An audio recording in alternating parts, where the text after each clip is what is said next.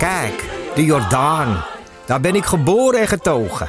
De nieuwe Nederlandse musical Onze Jordaan van Diederik Ebbingen is dit najaar in de theaters te zien. Koop nu uw kaarten op onzejordaan.nl.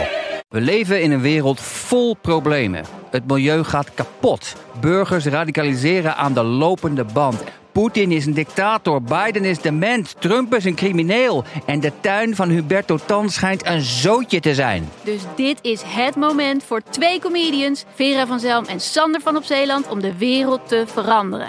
Alles moet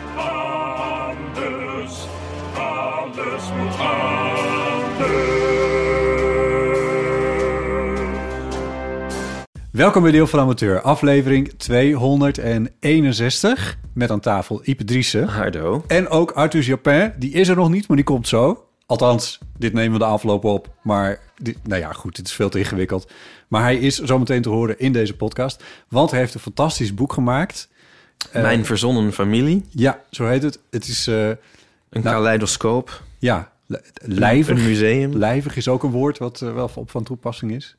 Eh, er staan heel veel foto's in en het beschrijft eigenlijk vrijwel alles wat hij in zijn leven tot nu toe heeft gedaan. Ehm, met inderdaad foto's van die dingen. Dus het is ook echt gebeurd.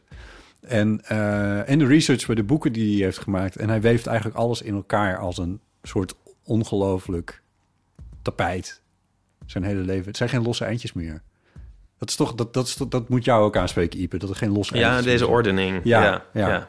Ja, Nou, er is wel een hoofdstuk losse eindjes. De vnavel, vnavels, zeg ik het nou goed? ja, ja, ja, ja, dat zeg je goed. Ja, maar die Ja. zijn dan weer ondergebracht in een hoofdstuk... zodat ze toch weer geen vnazels... Ja, zodat ze toch weer geen losse eindjes zijn. Nou, Ja, enfin, precies. we gaan, eh, het wordt straks wel duidelijk in ons gesprek... en we gaan het over het boek hebben en over nog veel meer. Nou, ja, zeker. Het leven en alles wat daar weer bij komt kijken. Ja.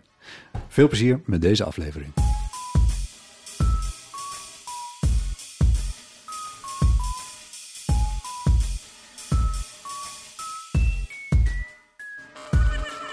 Arthur, wat fijn dat je er bent. Ja, wat fijn dat Gezellig. je mag komen. Ja, Ja, ja. Nee, het, is een- het was een, een, een directe aanleiding om je, eh, om je uit te nodigen. Het is namelijk een, een lijvig boek dat je eh, hebt uitgegeven, of bent aan het uitgeven eigenlijk. Wanneer verschijnt Ja. het precies? Nee, het is, het is net verschenen. Het verschijnt- Mag je microfoon eens? Ja, zeker. Het is net verschenen. En eh, morgen is er een... Ik doe nooit presentaties, maar dit is een apart geval. Eh, en dus dit wordt ook voor me georganiseerd. Want, eh, ik hou helemaal niet van feestjes. En zeker niet als het om mij gaat. Maar eh, dit wordt gedaan door nou ja, de organisatie en de uitgeverij. En... dus morgen wordt de officiële presentatie moment. Maar ja, het is iets als zo groot en omvangrijks en wonderlijks. Het is heel vervelend, want ik kan in interviews alleen maar zeggen... Het is een, wat een raar boek, wat een raar wat Ja, ja. nu toch, toch, toch, de titel even noemen. Mijn verzonnen familie heet Ja. het. Ja. Het, is een, het is lijvig. Het is echt een, eh, een, een boek te grootte van een, eh, van een hoe zeg je dat? Een Het is koffietafel, een koffietafelboek eigenlijk, met ook inderdaad 900 foto's. Dus het is een, een bladerboek, maar... Een eh, bladerboek. het is... ja, er staan ook heel veel teksten in. Nou, ik, ik zeg het zo vreemd, want ik heb het alleen maar in zo'n pdf gezien. En jij ook volgens mij. Dat Ja. waren zeven losse delen. En dan zie je wel heel veel foto's.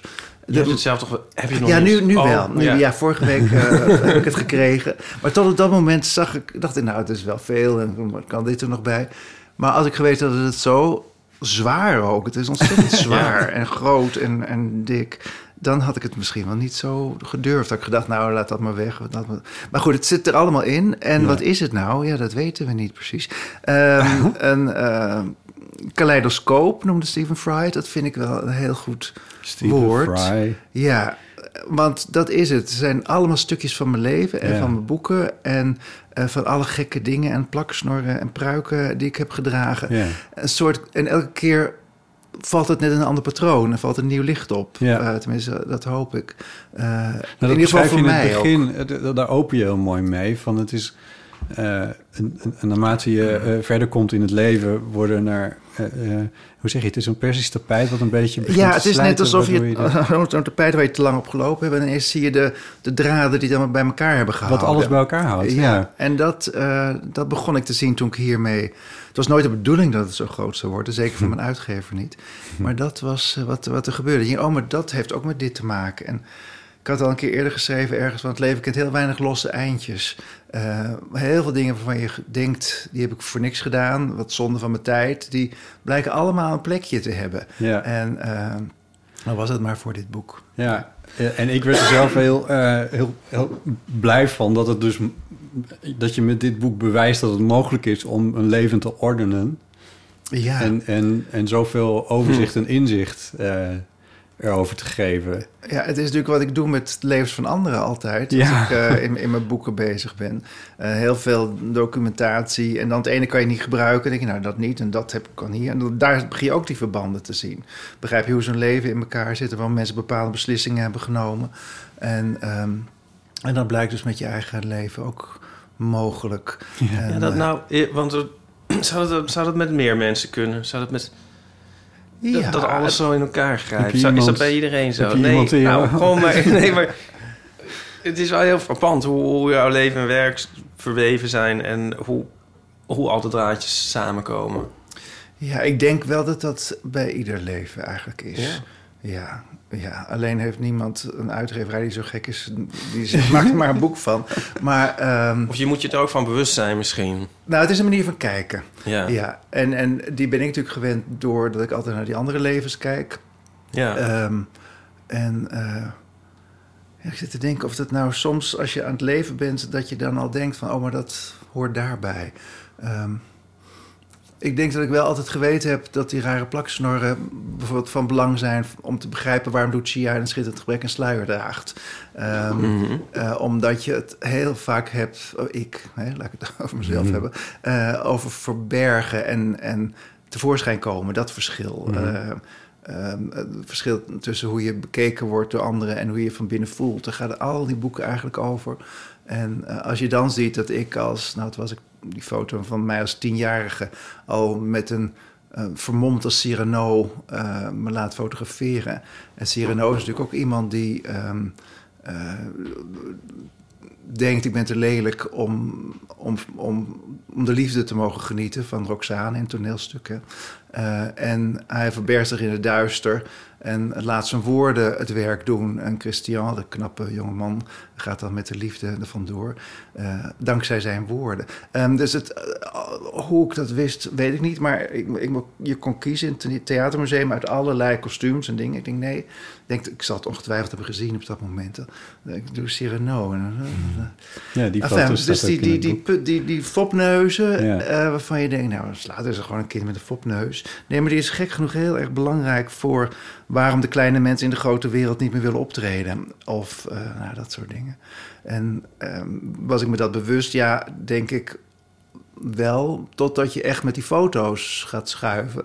En sommige dingen heb ik echt pas toen het werd opgemaakt, is per deel, zijn, het zijn zes delen, opgemaakt. En pas toen, toen zag ik nog weer andere dingen. En ik oh nee, dat moet nog anders. Want die, er is een foto bijvoorbeeld van mij, eh, waar ik op het schoolplein sta, tussen jongens die zo boksen naar me uithalen.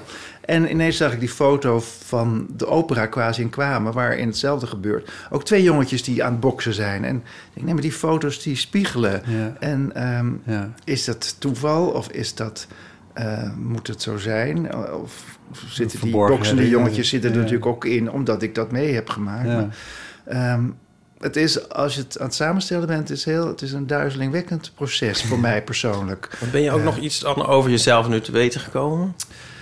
Ehm, ja, ik wist al zoveel. Ja. Ehm, ja, dat weet ik, dat weet ik niet. Nee.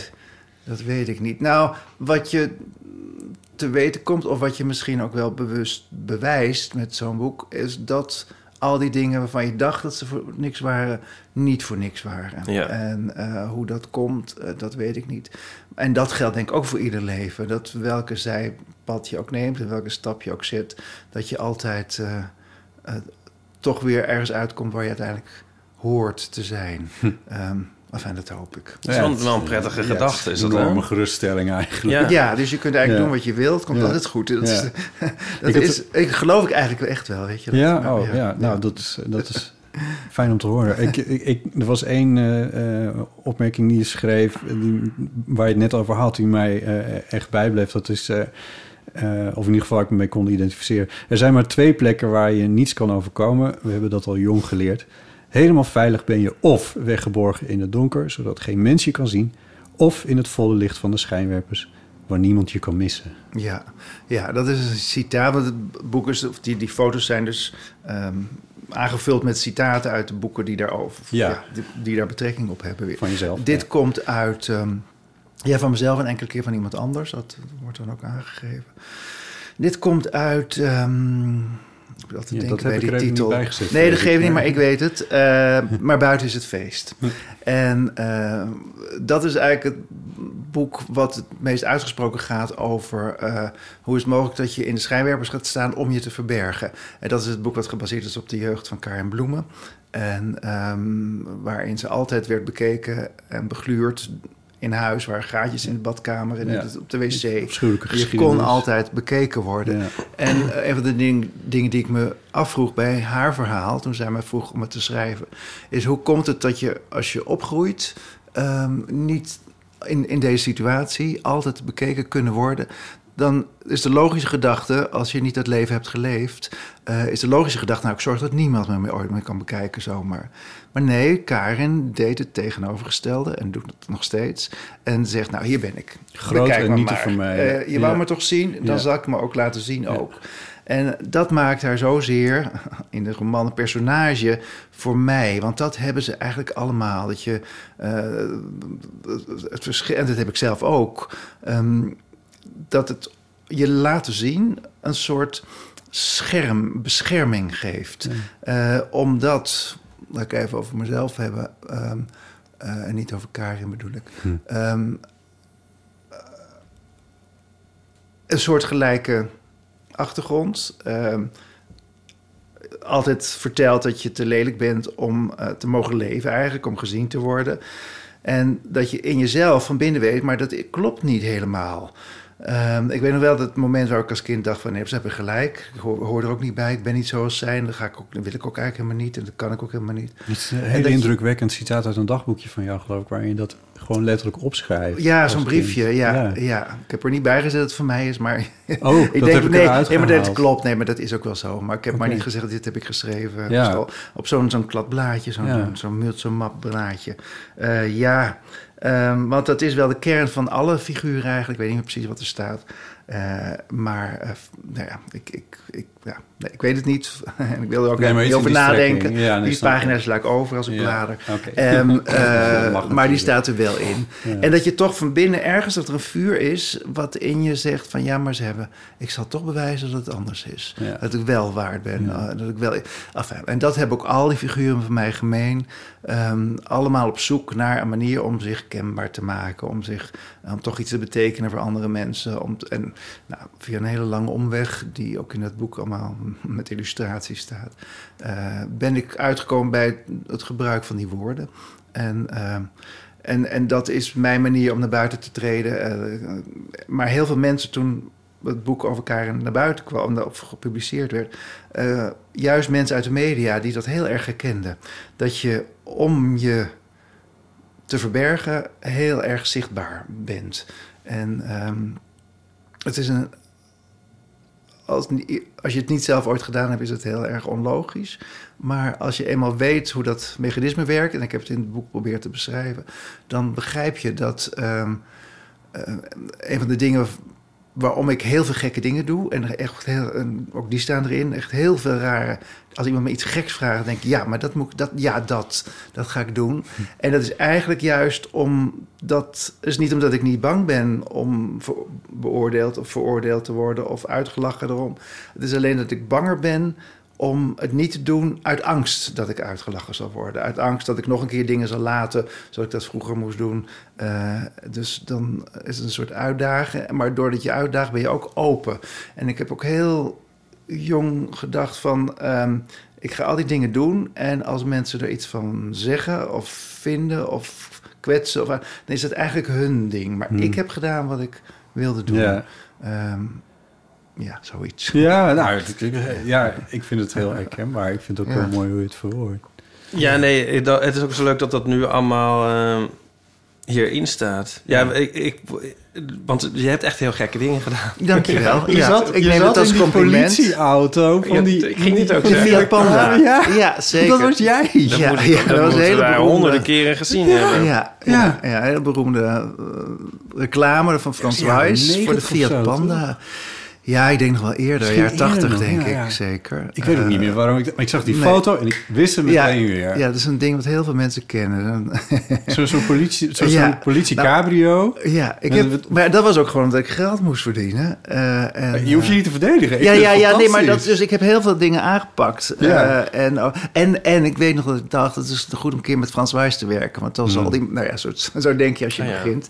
Eh, en eh, waar ik van gered ben, en dat had, daar was ik niet overheen gekomen. Ik was uitgekozen door het reclamebureau en, en de makers om eh Bommetje te doen van Melkunie. Oh, oh, dat heeft en toen Pierre, de, eh, Pierre Massini heeft dat uiteindelijk ja, gedaan. ja.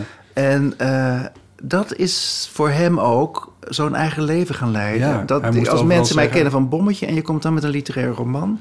Ik denk niet dat dat goed gegaan was. En toen, de, dus de directeur van. Melkunie eh, heeft toen ingegeven, die wilde per se Peer, Pier Massini. En eh, dat was, vond ik toen jammer, want het was veel geld. Ja. Maar eh, ik denk dat dat me wel gered heeft. Dus ja, Ja, en want, ik zat ja. ook nog heel kort voordat mijn eerste boek uitkwam... zat ik in Onderweg naar Morgen als secteleider. Ja. Ik ben ook altijd bang geweest dat mensen die link zouden leggen. En dat heeft niemand ooit gedaan. gelukkig. Nee? En nu, nu maakt het niet meer uit. Nu mogen ze het weten. ja. Ja, ja, gekke dingen. Maar dat komt ook omdat ik eigenlijk alles leuk vind. Ik, ik zou heel weinig dingen weten ja. die ik niet wil doen. En daardoor is er is nagenoeg niets in zeker de hoofdstedelijke geschiedenis van de afgelopen, nou, wat zullen we zeggen, 40, 50 jaar geweest waar je niet bij was. Dus dat is nou. echt van te kijken. Wat dan? Ja, Dat weet ik- dat deed nou mij niet. denken aan Forrest Gump af en toe ook, het boek. Die overal doorheen loopt. Oh ja? Oh, dat denkt me nou weer niet zo bewust. Nee. eh, Dus de- de- de- ja, ik heb wel... eh, met, met Mieke van der Wij op, Ja. op pad, die, die je dan Ja. fotografeert. En waar je, Ja. Was die er ook mee naar Italië? Nou, dat ben ik even vergeten. Eh, nee, nou, wat er gebeurde is, ik studeerde Nederlands en eigenlijk vond ik dat meteen al verschrikkelijk, eh, want ik wil niet analytisch denken over dingen die emotioneel zijn, zoals literatuur voor mij was. Eh, dus wat ik deed, schreef me in bij, dat, ja, dat is grappig, ik liep er net langs. Wij repeteerden vaak hier bij Criterion, eh Oh, ja. hierachter. Ehm, en uh, oh, een toneelclub.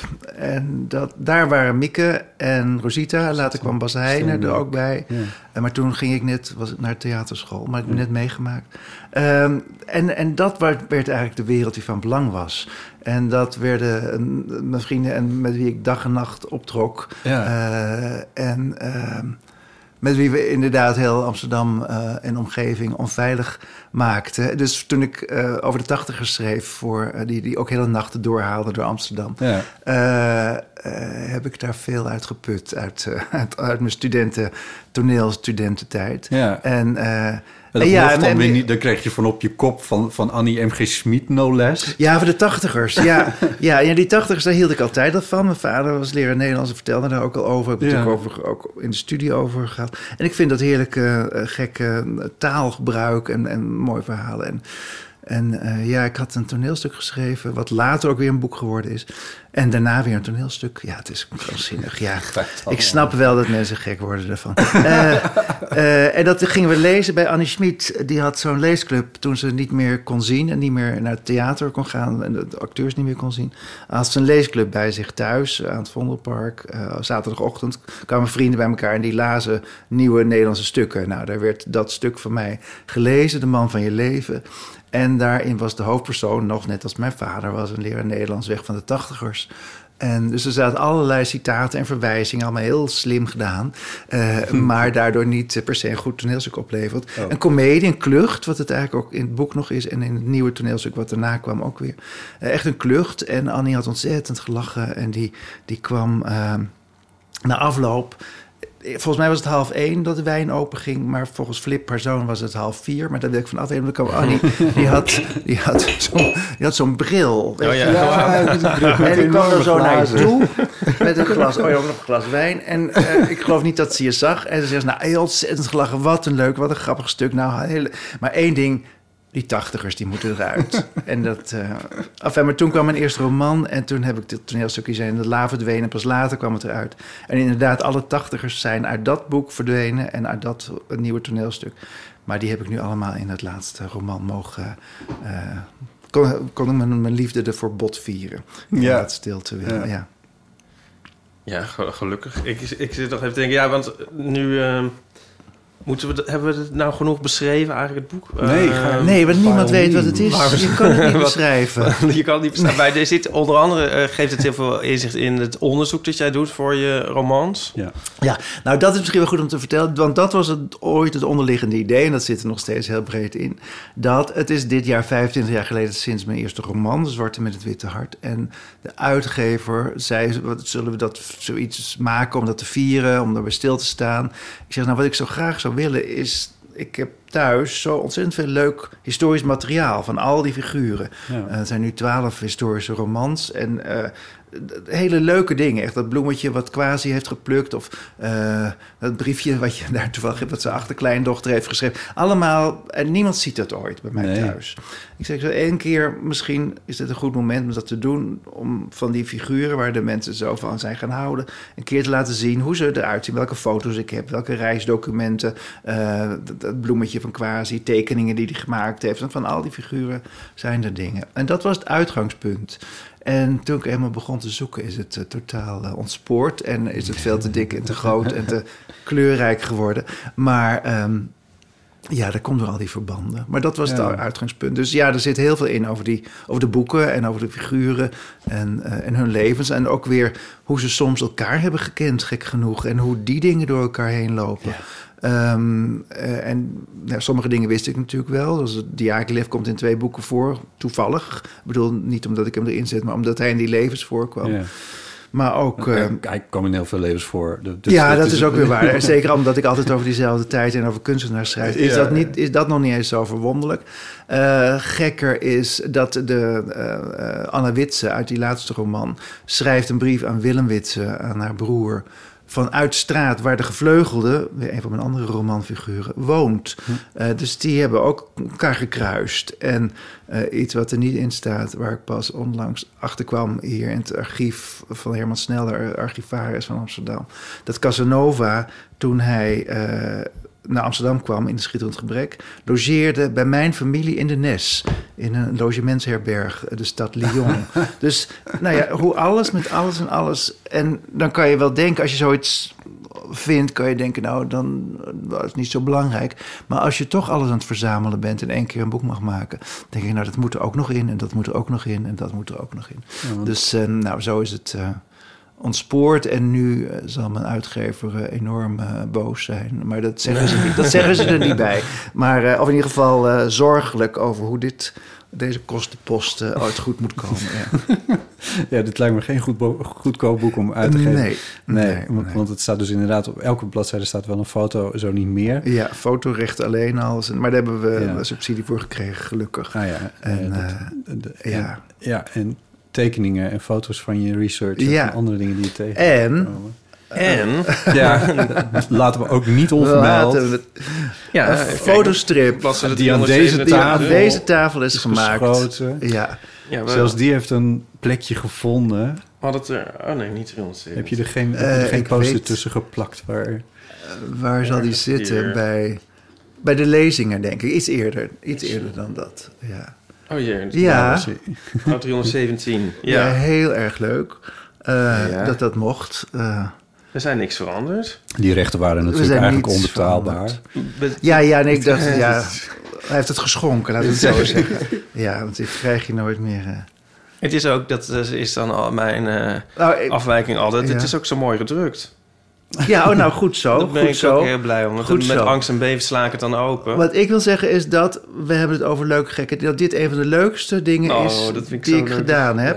Ja. En eh, dat ik eh, heel erg hoop dat je nog een keer zoiets van bedenkt. Ja, ja. Nee, het is, eh, ja. Enfin, dus dat moest erin. En eh, dit is een stuk wat over, over lezingen en lezers gaat. En, Ja. en eh, hier, nou, enfin, mensen gaan het zien. Ja, We kunnen het niet navertellen. Ja, dit was denk ik dus... Nou ja, we hadden het er net over vier of vijf jaar geleden. Ja, Ja, bij de, onze opname toen. Ik heb, die, ik heb hem nog eh, teruggeluisterd. oh ja. Ja, dat is grappig. Ik vind het zo grappig hoeveel je ook vergeet. ik vergeet al- altijd alles. Dat is Ja. een van de redenen waarom ik alles vastleg. Ja. ja.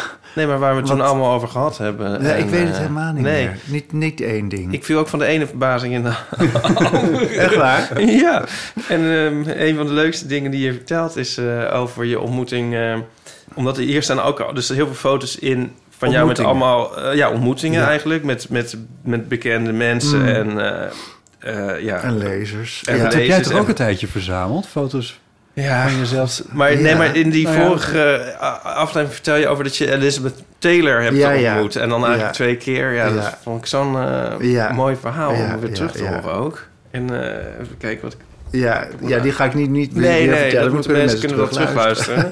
in onze archief. Ja, even kijken wat ik zo... nou ja, die ontmoetingen op die staan er ook in, omdat ehm, veel mensen denken dat een schrijver eh, dat het een heel eenzaam beroep is. En eh, ik zou dol zijn op een eenzaam beroep, maar dat is het niet. Juist door het schrijven zie ik al die mensen.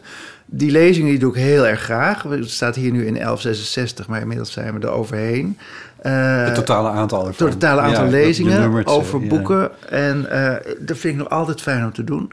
En inderdaad, dat je op festivals en dingen en via via en vanwege het schrijven, al deze mensen, eh, leuke, inspirerende, fijne mensen, waar jullie ook bij horen, Hmm. eh, komt, kunt ontmoeten. En dat zou me anders in mijn leven nooit gelukt zijn. Dan had ik me Ja. opgesloten en eh, dan was ik misschien naar dat bos gegaan, zoals mijn vader trouwens.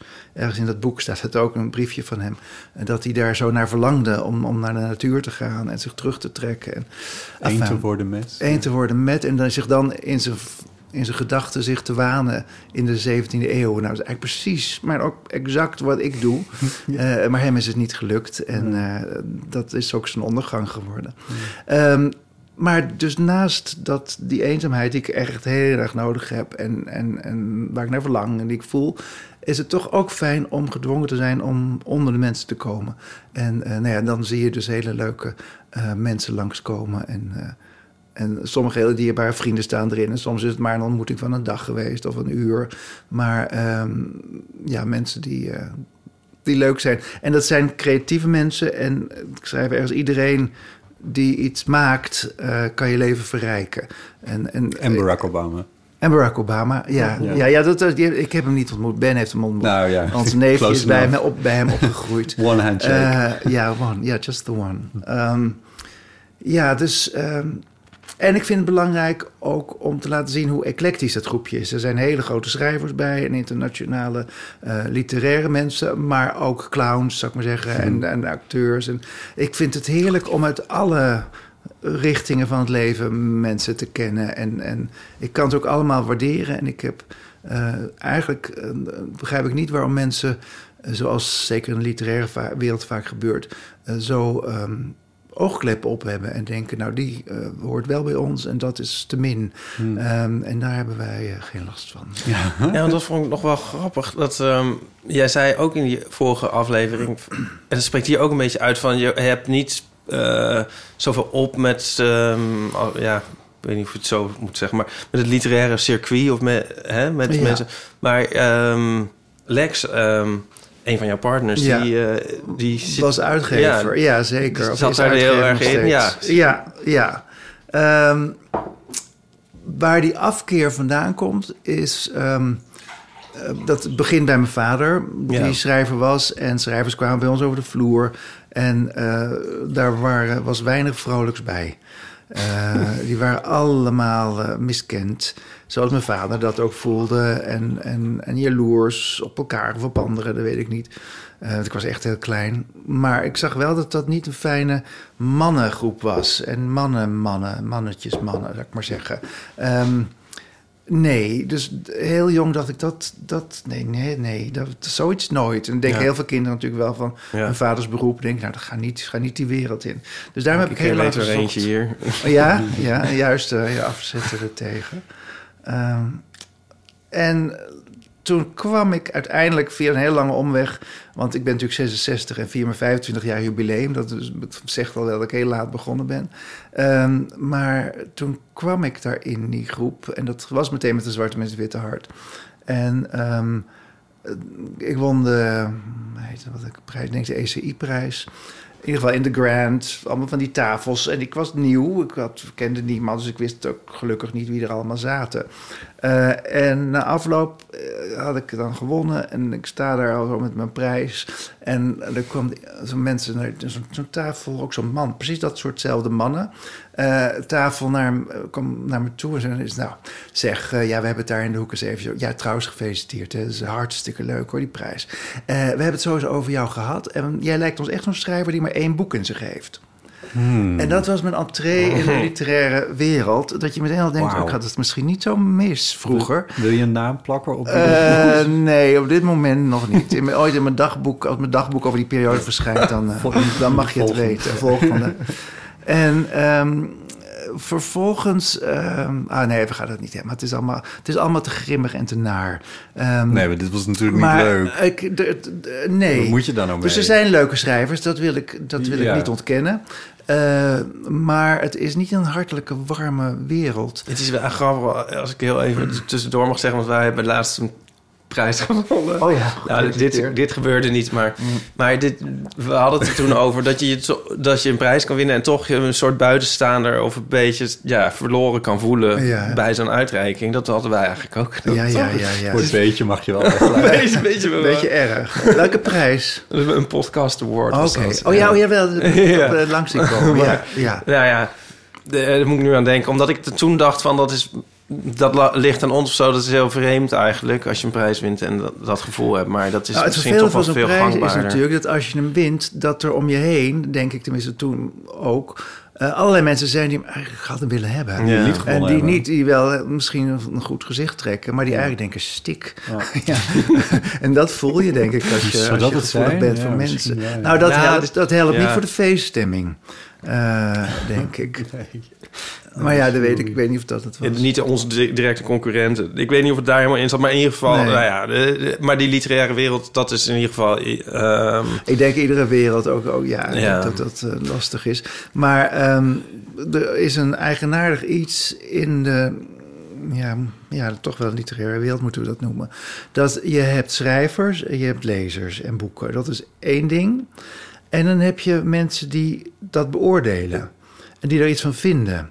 En die vinden dat het eigenlijk op hun manier moet. En dat het anders moet. En dat doet me altijd denken aan ehm, eh, vliegtuigspotters die aan de kant staan. Ze vliegen niet mee, ze gaan niet op vakantie. ze weten niet hoe ze dat ding moeten besturen. Maar ze zeggen wel, oh, hij trekt wel heel laag op. Weet je? Dus dat, er is een soort scheiding. En eh, toen ik begon was het nog meer met elkaar verweven... en was het belangrijker wat er gezegd werd over je. En eigenlijk doordat ze eigenlijk altijd iets anders vinden... dan de mensen die echt van een boek genieten... en die, of de schrijvers die erin maken... En eh, is dat erg gescheiden werelden geworden. En daarom was het leuk over de tachtigers te schrijven... want dat is precies waar zij zich tegen afzetten... En, eh, dus ik kon heerlijk hun woorden gebruiken eh, om het daarover te Ja, hebben. te. Eh, Willem Paap die zei echt, en in mijn boek zegt hij het ook van... als je de literatuur iets degelijk wil leveren, moet je er niet in doen. Dus je moet niet beoordelen en, en, en werken. Dat is eigenlijk precies waarom ik niet Nederlands mijn studie niet af wilde maken. Want ik wil niet hoeven zeggen waarom eh, iets goed is of slecht is. Nee, ik wil er gewoon in meegevoerd worden. Ja. En eh, dat vind ik nog altijd lastig. Ik zat een keer de, de toneeljury voor. Eh, en bij, dan zagen we dus heel veel voorstellingen in een jaar. En dat vind ik voorstellingen waar ik in meegesleept word en waar ik in geloof. En waar ik, dat vind ik prachtige voorstellingen. Die bracht ik dan te Berde. En dan, eh, nou, dat was eigenlijk zelden wat de andere juryleden vonden. Want nee, maar, ik, nee, maar als ik eh naar ga, dan wil ik, wil ik helemaal kapot eruit komen. Wil ik, wil ik, wil ik doorheen geschud zijn. En dat was echt een openbaring. En dat heb ik helemaal niet. Als ik, eh, het is net alsof je een, een, een eten aanprijst van... nou, als u dit gegeten hebt, dan moet u kotsen. Eh, dan ga je toch ook niet eten. Dus ik snap... niet- Ik, ik, enfin, en hetzelfde, ik wil me graag laten meevoeren... zonder dat ik hoef te oordelen. Ja. En dat oordelen, dat, ik weet niet of, of dat in het boek ook uitgebreid aan de orde komt... maar in ieder geval, dat vind ik het belangrijkste... om niet te oordelen over een ander. Uiteraard omdat ik vroeger zo over mij geoordeeld werd. Maar eh, dus ik probeer open te zijn en dat... eh, en vandaar die hele eclectische groep vrienden vanuit allerlei disciplines. Ja. En, eh enfin, Ik zat ook nog te denken aan het woord eh, competitie, waar ik zelf heel allergisch voor ben. Het zit ook met, die, met onze prijs te maken, waar ik denk van ja, ik, ik wil die competitie ook eigenlijk helemaal niet aan. Ik bedoel, het is echt heel tof dat we die gewonnen hebben, ja. om een aantal redenen. Maar het, het competitie-element in zoiets, dat vind ik echt heel vervelend. En Ja. dat vind ik eigenlijk vervelend bij, bij alles. dat is het ook. Ja, Ik, ik- competitie is een rare vorm van oordelen volgens mij. Ja, ja zo'n prijs bevordert dat. Maar het, goede aan zo'n prijs is dat het, f- f- nou ja, het werkt door in, je, in de rest Ja. van je carrière. Ja. Dus in die zin is het goed. Maar ehm, toen ik de Librisprijs won, toen was dat uitgelekt. En iedereen wist dat. En toen kwam het Amstel Hotel in en iedereen ook? feliciteerde me. Oh, Ik zei, nou, dat weet ik eigenlijk niet.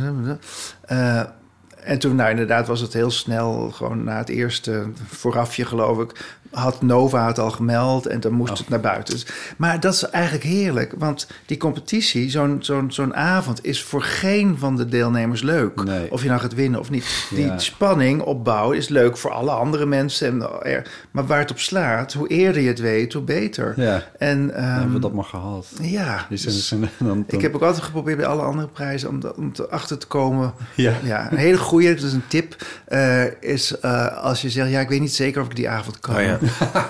Eigenlijk, nee, ik heb eigenlijk iets al... nee, dat kan. Ik denk, niet, ik denk niet dat het kan. Ze zeggen, nee, maar het is wel belangrijk dat u komt. Dan weet je... Dan, en ze zeggen, nou, dat geeft niet. en eh, ik vind het helemaal niet erg om te komen als ik niet eh, gewonnen heb. Maar ik vind het wel fijn om van tevoren te te, weten. weten. Ja, want het is, een soort spanning waar je in je leven wel zonder kunt. ja. Dus is het, neem deze tip mee. Ja, ja. Heerlijk. Ja. Iets, iets anders wat me eh, heel erg trof in eh, onze vorige aflevering... ehm, was het begint gelijk over dat jij eh, het nieuws niet volgt. Oh ja. En eh, dat is dus helemaal een onderwerp hier geworden. ja. Ik, ehm, ik wist het niet meer, maar ik, ben, in- ik ben daar ook mee gestopt een- Ah, sinds een tijdje. Sinds 24 februari. en bevalt het. Ja, ja, Ja, ja, ja. En je komt toch, alles wat van belang is, komt toch wel tot je? ja. Dus Ja. Ik- ja. Ik sta er ja. altijd van te kijken hoeveel ik dan... Ik volg het nieuws Nou, uit erg. zak wel. Maar, het is, maar, maar- Gisteravond hoorde ik, eh zei Nico iets van eh bla bla bla sinds Trump zich herkiesbaar heeft gesteld. Ja, denk je, En denk ik van, oh ja. maar dan heb ik dan niet Nee. uit en treuren. Dat, dat weet ik dan ook weer. Nee. Maar dan hoef ik niet... dat zat ook niet uit te treuren overal. Is dat, nou ja, maar, nou, het ja, zou wel iets ja. kunnen zijn dat Nee, als ik dat lees, dat ik daar door op klik en dan weer helemaal erin Ja. ga en in je verlies. eh, En, ja. Ja. Nou, ik zit nog wel op Twitter, ook omdat eh over al die dingen ben ik ooit begonnen dat het uitgeverij zijn. Ja, dat is goed, want dan kun je. Maar eh, ik denk nu dat Twitter zo aan het veranderen is en sowieso wat, nou, wat Steven heeft gedaan. Ik weet, niet, wat- ik weet niet meer hoeveel mil- miljoenen, miljoenen, miljoenen volgers. En gewoon één met één, nou, goodbye, één klik en weg van Twitter. Eh, ik denk, god, dat lijkt me ook wel. Sorry, Heerlijk. eh, Steven, Steve Fry. Fry. Wat heeft hij gedaan? eh, nou, dat heeft hij gedaan. Ja, volgt het wel echt helemaal niet.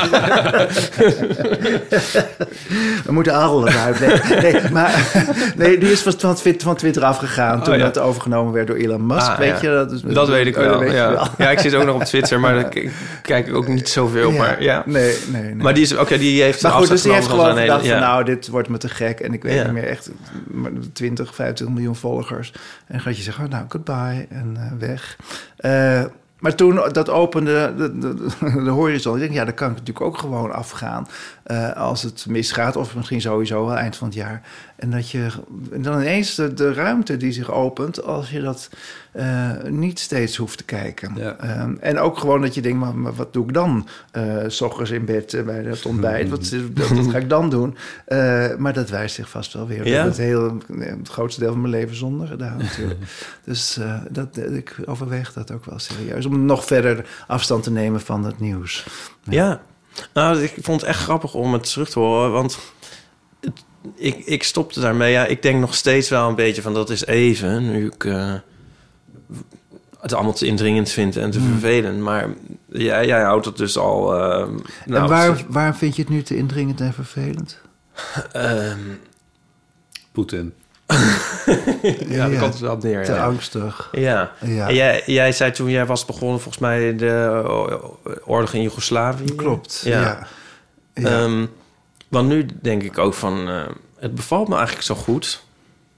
Ik kan dat misschien. Ik, ik dacht van, ik hou dat, de- dat is een tijdje, maar Hmm. ik zie mezelf dat eigenlijk ook wel gewoon eh, Nog lang vol. heel lang volhouden. Het is eigenlijk best wel gezond geestelijk. Ja, daar er is wel een soort middenweg natuurlijk. Want het, eh, ja, soms moet je dingen wel Ja. eh, gewoon op je hoede zijn. Ook en, en weten wat er gebeurt. Eh, maar nogmaals, als de mensen vertellen je het ook wel als het belangrijk Ja. is. Of, of Ja. ja. ja, ik weet eigenlijk niet hoe het gebeurt. Maar de, de- de algemene grote dingen komen altijd wel, wel door. Ja. Ja, Dus ehm, ja. wat zei jij in die uitzending toen daarover tegen mij? Van wat een onzin? Of zei je meteen van, oh, dat is een idee? Nou, geen van zou beide. niet kunnen, nee. Men, ik vond het wel wonderlijk, geloof ik. Ja, Ja. ja, ja. ja, ja. ik Nou, vind het dus ook grappig dat iets dat heel wonderlijk is, nu heel logisch. Oh, ja. Wat ik heel logisch vind. En ook... Zoals ik vegetariër ben geworden eigenlijk. Ja, misschien ja. Zo eh ontwikkelen. En jij niet? ons. Eet jij vlees? Nee, nee. Ik, ik Oh, was het, ik dit door- is juist meer andersom Door hem. eigenlijk. Ja. Oké. Ja. Ja, oh, fijn. Ja. Ja, Mede door Ipe. Ja. ja. En eerst voor- dacht je van, eh, wat een onzin. Nee, dat niet waarschijnlijk, maar wel Nou, van, ik nee, kan het nog nou, niet. Ja, goed, ik ga niet, om dan die hele geschiedenis te herhalen, maar het kwam erop neer. Ipe is, is ook ver- is al. Jij bent al. Hoe lang ben je vegetariër? Al heel lang. Nou ja, ook niet Best wel lang. even, maar... Nou ja, Nee, maar Dus lang, zeg maar, lang. eh, maar wel overtuigd in ja. ieder geval. En ook al en zelfs zo ver dat je eh, vervent aanhanger bent van de Partij voor de Dieren. En Ja. daar heb ik me een tijdje erg aan geërgerd. en daar, dat liep ik er heel hoog op in, eh, in een podcastaflevering op. En als reactie- hoog op? Ja, ik heb, nou Nou ja. ik, ik heb me heel Dat kwaad die uitzending waarvoor jullie gewonnen hebben toen. Ja, en, eh, maar, maar toen dacht ik, nou, ik heb Ipe wel heel erg aangepakt. Dus eh, ik vind nu dat ik... Waar ging het over? Ging Minstens over- moet proberen. Ja, en dat heb ik toen gedaan. En toen maakten we nog één keer in de twee weken een aflevering. dacht ik, nou, ik ga twee weken lang geen vlees eten. Gewoon vleesvervangers eten. En dat beviel me zo ontzettend goed. Ja. En toen begon ik me ook meer in te verdiepen. En eh Ipe zit heel sterk aan de dierenkant van het verhaal. Ik zat toen iets meer aan de milieukant van het verhaal. Nu zit ik aan beide kanten. Mm. Ehm, en, ehm, maar puur op basis van... ehm, maar qua milieu is het gewoon eigenlijk gewoon heel erg goed. idee. Ja. Dus waarom Ja. zou ik nog überhaupt Ja. weer beginnen met het eten van vlees? En dat heb ik nog de- daarna dus ook niet Nee, gedaan. nee, nee. Ja. nee. De Partij voor de Dieren vroeg mij als ehm, eh, lijstduwer. En ik wil eigenlijk, ook uit een soort angst om niet bij een groep te horen... nooit ehm, me ergens aan, aan zo'n groep committeren. Mhm. Maar nu ik zie hoe ze bezig zijn, zou ik het... als ze het nu weer vragen, zou ik het wel doen, denk ik. Eh, want eh, Dus gaan we even ja, doorgeven. het is, eh, ja, ik Ja. vind het wel zo ontzettend belangrijk. Ja. En, maar fijn dat je het geprobeerd hebt. Maar zodra mensen het maar proberen, dan zien ze hoeveel makkelijker het is dan ze denken. En hoeveel mensen denken dat het onoverkomelijk is. En, en, Ja, maar dat is met nieuwsconsumptie dus kennelijk ook zo. Ja, Ja. ja, ja. ja. En ik wil nog even zeggen, dat ik zo wel moeilijk vind... dat mensen van wie ik echt heel veel hou... dat ze dan zich echt verzetten en zeggen... nee, maar dat moet. Tegen En, vegetarisme. Ja, ja. ja, dat vind ik best wel een lastige... eh, het zijn er niet veel meer, maar eh, ja. hoe je daar dan mee omgaat... dat, dat ja, enfin, dus Ja. Nee, dat is... ik ben dat- blij dat- dat jullie het eh, doen. Ja. Ja. Ik vind het wel een interessante. Dat is... ehm, ben ik het helemaal mee eens. Net mensen zijn zich echt schrap aan het zetten, dat twee. Dat is Ja. echt een beetje een soort pietachtige discussie. toestand. Lijkt het erg op. Nou, het is over, volgens mij over twintig jaar echt zoiets als sigaretten. Dat Ja. je denkt, hoe is het mogelijk? En sommige mensen zullen het gewoon buiten... zullen in een Ja. hoekje een stukje vlees gaan staan eten in, de- Ja. in de regen. Ja. Eh, hoop, ik hoop tenminste dat het zo gaat. Maar eh, dus die verzet, dat verzet heb je altijd of vers- verslaving of, of niet willen veranderen. En ik denk dat sommige mensen ook makkelijker eh, een verandering aankunnen dan andere mensen. Dat is denk ik ook gewoon wel Ja. iets wat in je hoofd zit. Ja, dat. Of in je genen, of ja, ik denk, dat, ben ik wel, dat ben ik wel met je eens. Ik denk ook dat het in vastgeroeste patronen zit.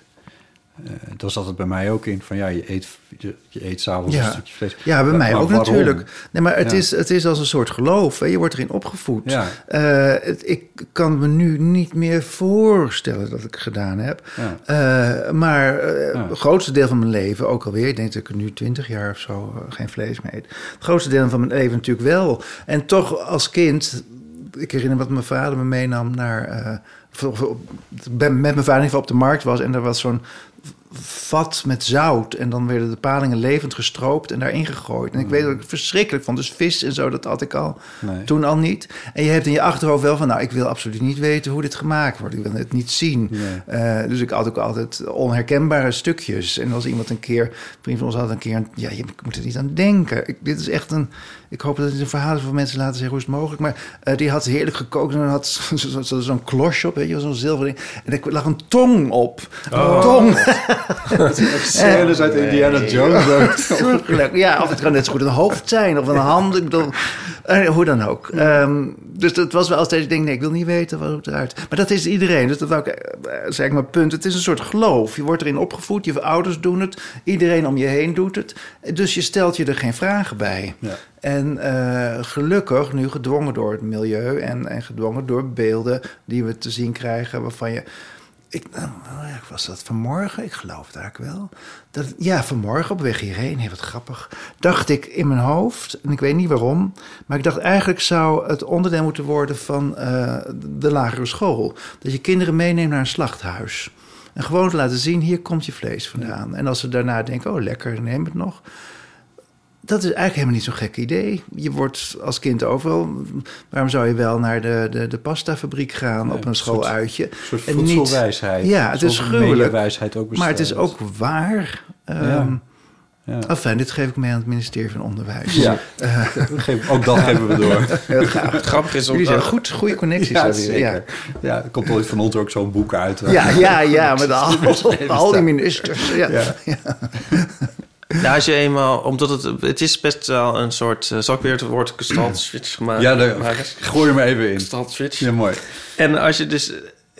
Ik vond het ook echt wel bevrijdend eigenlijk... door vegetariër te worden... en dan te denken van... hé, hey, maar wat kan ik eigenlijk nog meer...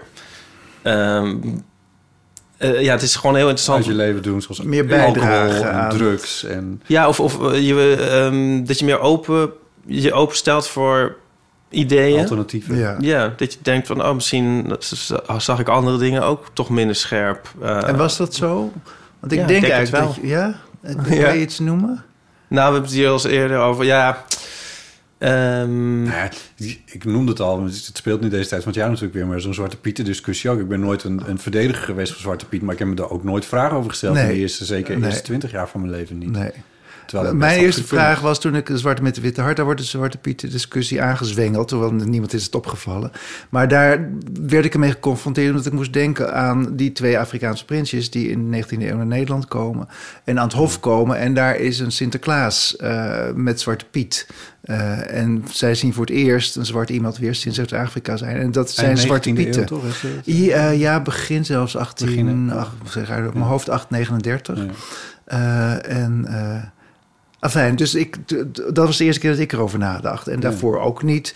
En ehm, ik, het, het is een lastige. Maar weet je wat met dat soort dingen is? En dat is denk ik precies wat je bedoelt. Ehm, het- ik heb dat nooit als racistisch en, eh, ervaren. Maar eigenlijk pas op het moment dat eh, andere mensen zich zich er zo aan vast gaan klampen. En juist een soort mensen die ze aan een hele nare kant staan, eh, ja, dan wordt het iets. En dan denk ik ook, nou, dan moet het, het niet meer gebeuren. En het is zo'n klein iets, het is zoiets onnozels. En je kunt soms met zo weinig ehm, voorkomen dat je iemand kwetst. Ja. En eh, om het dan niet te doen, dat is. eh, ehm, dan moet je wel heel erg verbitterd of weet ik veel wat zijn. Ehm, goed, Ja. dus dat, de, Ja. voor mij was het zo, nou, zo begin jaren negentig dat ik voor het eerst dacht: Zwarte Piet. Wel vreemd eigenlijk. En doordat eh, Ben naar Nederland kwam, eh, een van mijn partners, Amerikaan. eh, en voor die Zwarte Pieten zag. En echt Ja, verbijsterd. Ja. Verbijsterd. En Ja, altijd sorry. geweest. Ja. eh, dat dat hier kan. Het is Ja. ondenkbaar in. Amerika of waar dan ook. Ondenkbaar. Dus dat, dat opende je ook nog eens verder de ogen Ja. daarvoor. Ja.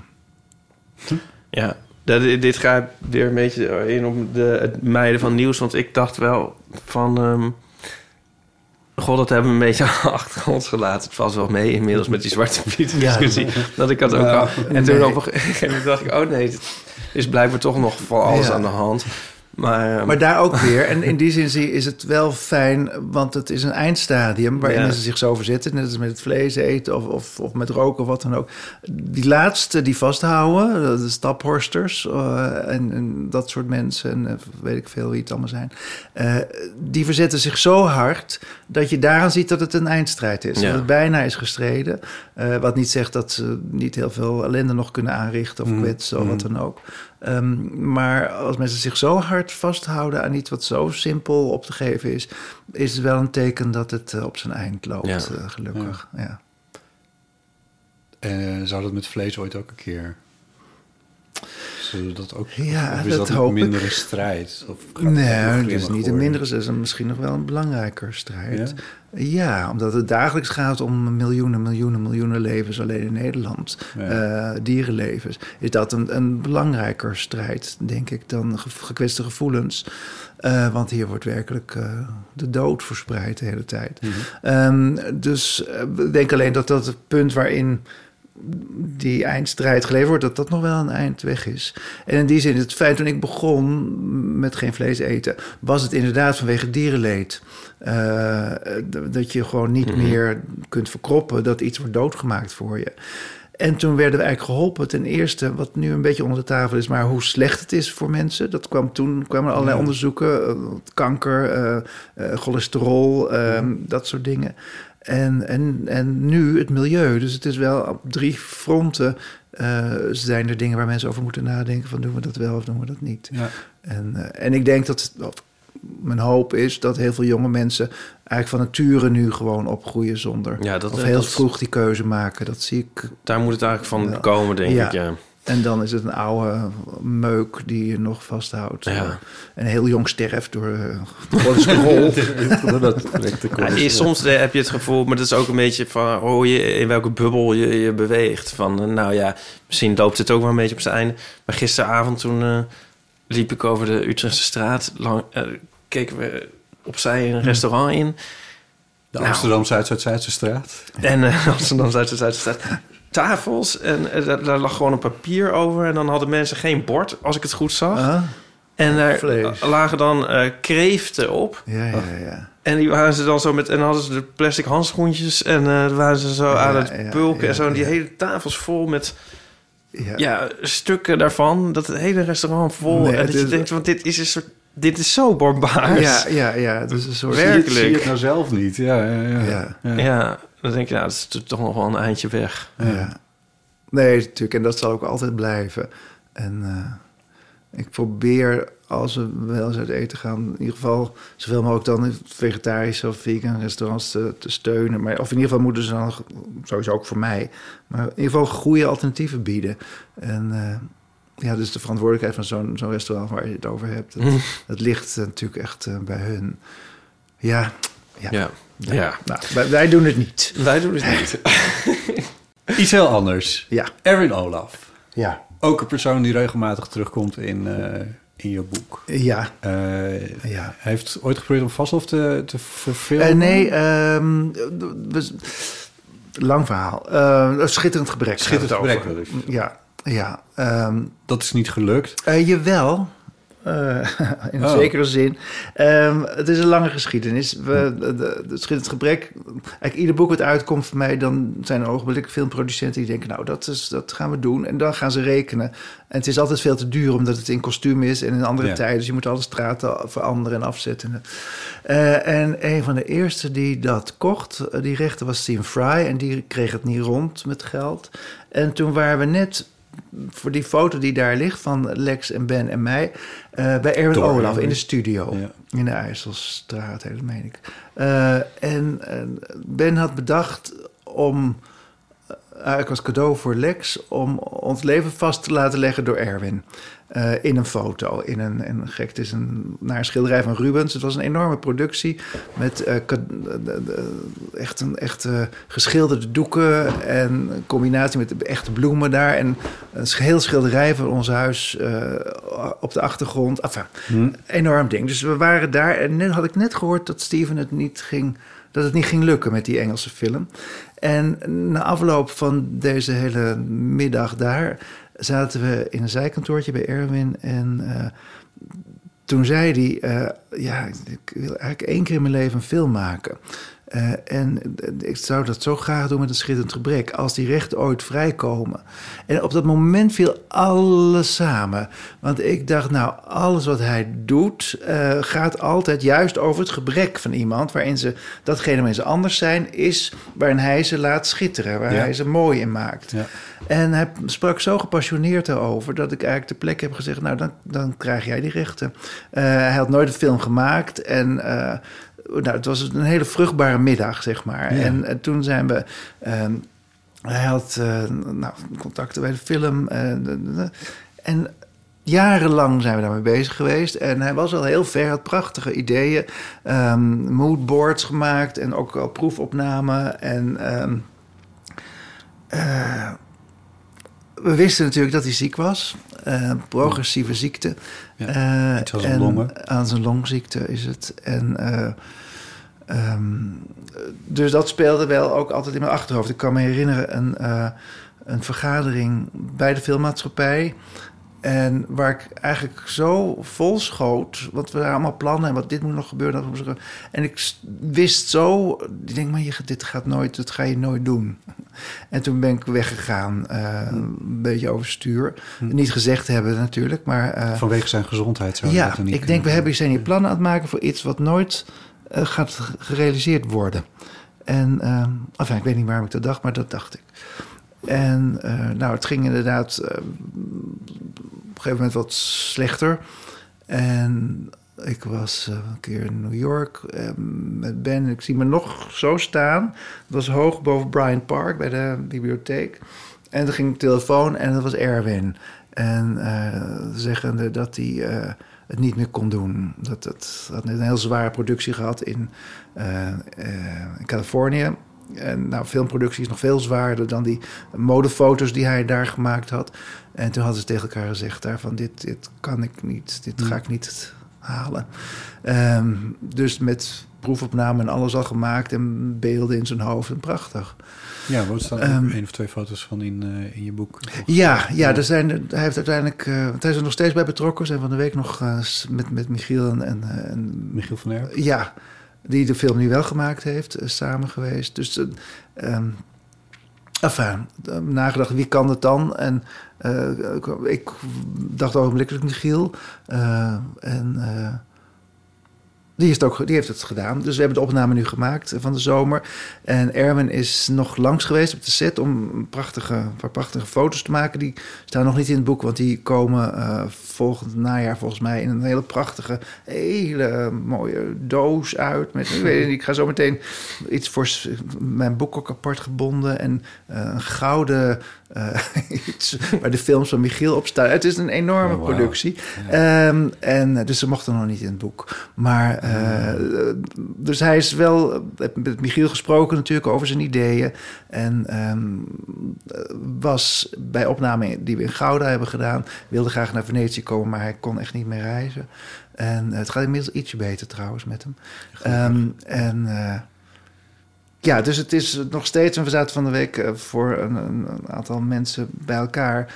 Eh, en het is nog steeds... voelt het als een project van ons drieën. En eh, dat voelt Oh, heel goed. goed. Ja, Ja. ja. dus... nou, wanneer dat is, wanneer kunnen we hem zien, denk je? Ehm, eh? eh, daar werd gezegd voorjaar volgend jaar. Ik wist alleen dat het volgend jaar was, maar het hangt een beetje vanaf. Het wordt nu gemonteerd en naar aanleiding daarvan gaat hij naar festivals en Ja. weet je welk festival het beste uit kan komen. En nou, ja. ja, het is een. eh, maar dan is het twintig jaar sinds het boek uitkwam. Ja. Dus eh, zo lang duren ideeën soms. Ja, Ja, ja. ja. Wat Jullie geweldig, zijn, eh, ja, ik, ik- jullie zijn alle drie wel ook echt workaholics, denk ik eigenlijk. Of het is misschien een lelijk woord, maar ik bedoel Nou, Erwin nee. Olaf en Michiel van Erp en, en Ja, jij. nee, het is niet een lelijk woord. Het is wel, denk ik, wat het is. Ja, dat je het niet anders kan Ja. dan, dan weer een nieuw idee en weer door. En eh, ja, ja, nee, ik denk wel soms van, nou, als een boek af is, of je denkt, nou, beetje rustiger kan ook wel. Maar dat, je doet mij geen plezier met een vrije dag. Daar heb ik echt geen. geen nee, ik, ik ben liever. Ik ben benieuwd hoe het doorgaat. En eh, wat er nog meer in zit. En wat er nog meer uit kan komen. En, eh, dus ik werk wel inderdaad veel. Ja. Nou, jullie niet dan? Jawel. Ja, dat dacht ik wel. Ja, je twee, twee hele schuldbewuste gezichten voor me. Ja.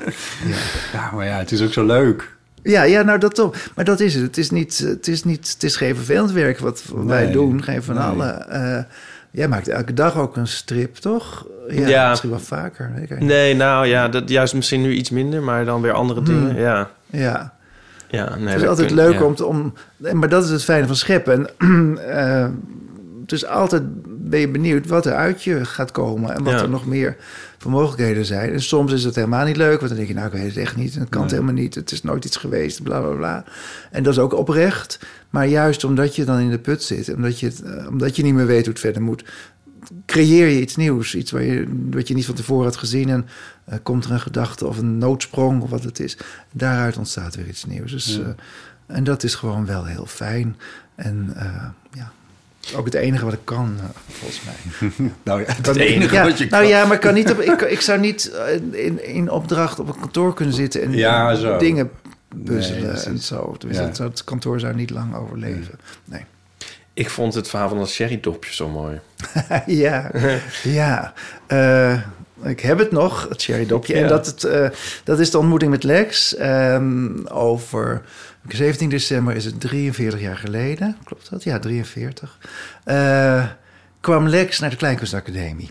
En ehm, daar zat, een, eh, zat hij te wachten voor de voorstelling. Van die voorstellingsperiode. In het voorjaar en eh, vlak voor de kerst was er, was een voorstelling.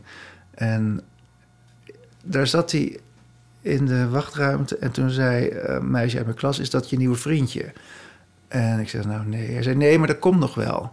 En ik Oh, nou, dat moet ik even in de gaten houden. En. eh, toen wist ik niet dat hij de week tevoren ook geweest was. Het kwam omdat een vriendin van hem, die zat in het eerste jaar, toen ik in de derde, tweede of derde zat, Els, Elsa.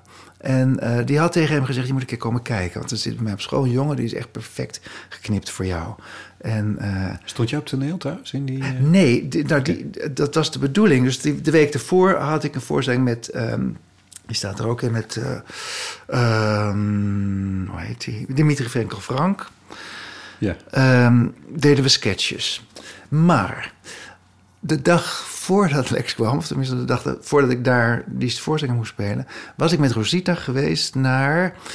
Een, eh, dit verhaal staat er niet in, dus ik moet het even uit de, achter de heldeur vandaan halen. Ehm, naar Fong Leng. Een, een, En het was een, eh, een, een grote show. En de champagne was gratis. En zowel Rosita als ik hadden enorm eh, gedronken. En die nacht werd ik bij Rosita in bed eh, helemaal niet goed. Ik had een ho- alcoholvergiftiging, bleek later. Oh. Eh, dus ik kon niet spelen. Daar kwam het eigenlijk op neer. De avond dat Lex kwam kijken naar mij, eh, kon ik niet spelen. En ik had dus bijna door drankgebruik mijn hele geluk misgelopen. Maar gelukkig kwam hij de week daarna wel. Maar toen had ik bardienst. En toen stond ik, dat, wat dat deed je, de ene week speelde je zelf... en de volgende week moest je dan achter de schermen dingen doen. Dus ik stond in het barretje aan de Elandsgracht... En ehm, Lex had dat gezegd van tevoren. Ik geloof niet eens dat hij de voorstelling ingegaan is. In ieder geval, ik stond achter de bar... wat ik eigenlijk gek genoeg heel leuk vond... en nooit in mijn leven meer gedaan heb. Ik vond het leuk. En Wim Ibo, dat was zo'n uh, de, de houtmethode van het uh, cabaretgeschiedenis... Uh, die dronk altijd een Oh, knipperbol. Ja. Hele vieze, uh, goedkope sinaasappelsap met Hema sherry erin. En ik stond dat zo te doen. En Lex kwam naar me. Lex waarvan ik dacht, nou, dat is inderdaad wel heel erg leuk. En zo zat zo'n beetje wat hij... Een ding in mijn mond. En van de zenuw eigenlijk heb ik die hele sherrydop, Hema sherrydop, fijn gekoud. En, uh, en, en, daarna volgens mij zijn we uh, het vroor... Uh, de aan de achtergaande tuin in en hebben we op de bevroren vijver voor het eerst gekust. Um, maar die sherrydop die heb ik bewaard. Dat is een beetje. Ik heb nooit een, een nooit een ring mogen ontvangen, Lex. uh, ik, ik, heb nooit. Uh, maar dat is ons enige aandenken. Is, uh, is in plaats van een gouden ring heb ik een sherrydop. Ja, dus die heb ik ook goed bewaard. En dat is. ja, dat is. daar is mijn geluk begonnen. En zonder Lex had ik het niet gered in het leven. Um, maar ik vind dat zo leuk ja. dat jij dan de, dat bewaart. Dat je ook die tegenwoordigheid van geest hebt eigenlijk. Ja, ik denk op een dag ga ik een boek uitgeven. Nee hoor, dat is niet nee, maar... nee, ja, ja. Ik vind het ook heel ja. liefdevol. Ja, ja, ja, ja. Nou, dat... Ja, ik weet, niet, ik weet niet meer wat ik erbij dacht. Maar ik dacht wel... Ik wist, ik wist dat het een belangrijk moment in mijn leven was. Ja. En ik wist ook dat het voor altijd zou zijn. Uh, uh, hoe je dat weet, dat weet ik niet. Maar uh, ja. dat wist ik. Ja, dus ik denk, nou, dat is wel de moeite waard. ja. Waar jij diepe de, de, de objecten uit de vroege ontstaansgeschiedenis van jouw relatie? nou, Heb je die? Nee, ja, nee. Ik weet dat niet zo goed. Nee. Niet, Bart heeft nog het uh, bonnetje van zijn eerste oh. date met degene met wie hij al jaren samen oh. ja, het bonnetje van de bar was. Ja, nou dat is net zoiets. Ja, dat ja. was een bar waar die jongen werkt op dat moment. Ja, ja, ja. Iets ja. meer dan alleen maar een bonnetje. Maar, ja. Wat leuk. Ja. ja. Wij hadden wel, Nico en ik hadden wel eens van die soef, van, echt van die souvenirtjes uit van die souvenirwinkeltjes, weet je wel. En die ja. waar ik me dan aan ga hechten. Terwijl het... Ja, Heb je die ook nog? Ja, ja. ja, ja, ja. Ja, dus om ja. dat... Om ja. toch iets tastbaars te hebben van, dat, uh, van het moment Ja. dat het uh, belangrijk Precies is. waar ze voor zijn bedoeld. Ja, Eigenlijk wel, ja. ja. Ja, ja, Ja. ja, souvenir. Ja. Nou ja, het is, ja. het is op een bepaalde manier waardeloos, maar dan voeg je er zelf die waarde weer aan toe en dan... eh, ja. Ja. Was altijd bang dat iemand die uh, sherry op weg zou gooien. Ja, dat, maar die Ik zit denk, nou, hup, weg dat ding. dus uh, daar heb ik een heel mooi doosje Een mooi. Dus doosje, nu- ja. Dus de kans iets minder groot. Ja. Ik, ik vond toen Iep en ik eh, ongeveer een jaar geleden in die kleine komedie een avondje iets mochten doen, Ja. vond ik op het moment dat ik het theater in zou gaan om dat daar dan daadwerkelijk te doen, vond ik een muntje van 10 cent Ah. op de stoep voor die kleine. En die zit sindsdien in mijn jaszak. ja, ja, ja. Wat ook verder nergens ja. op slaat. Nee, maar het is raar het is gewoon een fijn gevoel. Ja, ja. Die gaat er niet meer uit. Ja, nee. ja, leuk. leuk. En wat zou er gebeuren als je hem ooit kwijtraakt? Oh, niks natuurlijk. Niks, maar nee. Nee, maar- nou, maar nou, dat weet je niet. Als je er eh, veel waarde aan hecht en het is ineens weg. Ja, waarde. Ja, Ga je is daar ook een weer waarde aan hechten? Ja, Dat is het natuurlijk. meer, ja. Ja, Ja. en uiteindelijk, uiteindelijk komt die, die dop natuurlijk in het Letterkundig Museum. Dus dan, ja. Nee, maar dop. Ja, dan kunnen ze in het boek lezen waarom, waarom ze moeten bewaren. Dat is, dat is jouw souvenirtjes. Die Iep en Ja. in het letterkundige museum. Ja, ja waarschijnlijk. Wat leuk. Maar de, de titel Mijn Verzonnen Familie, die ehm, eh, slaat denk ik ook op... ehm, nou ja, jouw gezinsleven. Nou ja, het, sla, het, het, het komt eigenlijk voort uit ehm, de gevleugelde die. ehm, even voor degenen die het niet weten, ehm, een jonge jongen die opgroeit helemaal geïsoleerd in de binnenlanden van Brazilië en dan uiteindelijk naar Parijs gaat, merkt dat hij niet onder de mensen kan zijn en bedenkt ik ga er boven hangen en dan vindt hij eh, de bestuurbare ballon en een, eh, en een, vliegtuigje uit, eerder dan de gebroeders Wright. Eh, en op het eind van zijn leven in Brazilië vraagt een fan om, om een handtekening. En dan tekent hij die uitvindingen erbij. En dan zet hij onder mijn familie. En eh, toen dacht ik, ja, dat klopt. Hè, want zo, voelt, zo voelen die historische figuren. Als eh, mensen die bij je gaan horen. En ik heb zelf geen familie die ik ken. Er zijn wel ergens geloof ik, maar ik ken ze niet. Ehm, en ehm, die figuren ken ik wel. En die heb ik uitgekozen. Of zij hebben mij, ja, dan weet ik niet hoe dat werkt. Maar in ieder geval horen ze bij me. Het zijn allemaal facetjes van je. En, ehm, en ze lopen mee. Het is ook niet zo dat ze weg zijn nadat het boek af is. Nee, ze blijven en ze hebben weer gevolg en ze lopen mee op. En eh, dus vandaar, toen het echt nog ook alleen maar eigenlijk over de figuur ging, dacht ik ook altijd, het is mijn familie, mijn verzonnen familie. Maar nu denken mensen dat het boek verzonnen is. Maar wat in het boek staat is juist weer waar. Dus het is heel verwarrend. Eh, maar, eh, en natuurlijk geldt het ook voor ehm, eh, Lex en Ben en ons gezin. Eh, wat ook zelf bedacht is Ja. in ieder geval. Eh, en het zo boek opent geloof ik met een, met een zin eh, die ongeveer luidt... eh, werkelijkheid is meer iets voor anderen. En dat is heel erg waar. Ik kan heel makkelijk, of ik moet misschien wel, eh, de werkelijkheid omzeilen. Eh, dat moest vroeger was echt noodzaak, nu is het minder noodzakelijk misschien. Maar ik ben heel erg gewend om mijn eigen verhaal te maken, mijn eigen wereld te maken, eh, mijn eigen decor. Daarom is die foto van Erwin ook zo geschikt, omdat het ook in een, een decor van een decor gemaakt is. Mijn eigen werelden, wereldjes binnen de werkelijkheid waar het net anders is. En eh, natuurlijk is ons gezin eh, ook zo, ehm, maar het kan. En ehm, zo, ja, zo is het ook mogelijk om die om- dagelijks te mogen verkeren in andermans leven, in die romans. Als ik aan het schrijven ben, kan ik twee jaar lang in een ander decor, in een ander kostuum, in met andere muziek eh, geloven, 100% in geloven dat ik daar ben en dat ik daar, ja, dat ik ze begrijp en dat ik ze ken en dat ik ze ben. Ehm, eh, dus dat is eigenlijk wat ik doe, dingen verzinnen en dan er doorheen lopen. Daar was ook zo leuk in die film van Schitterend Gebrek...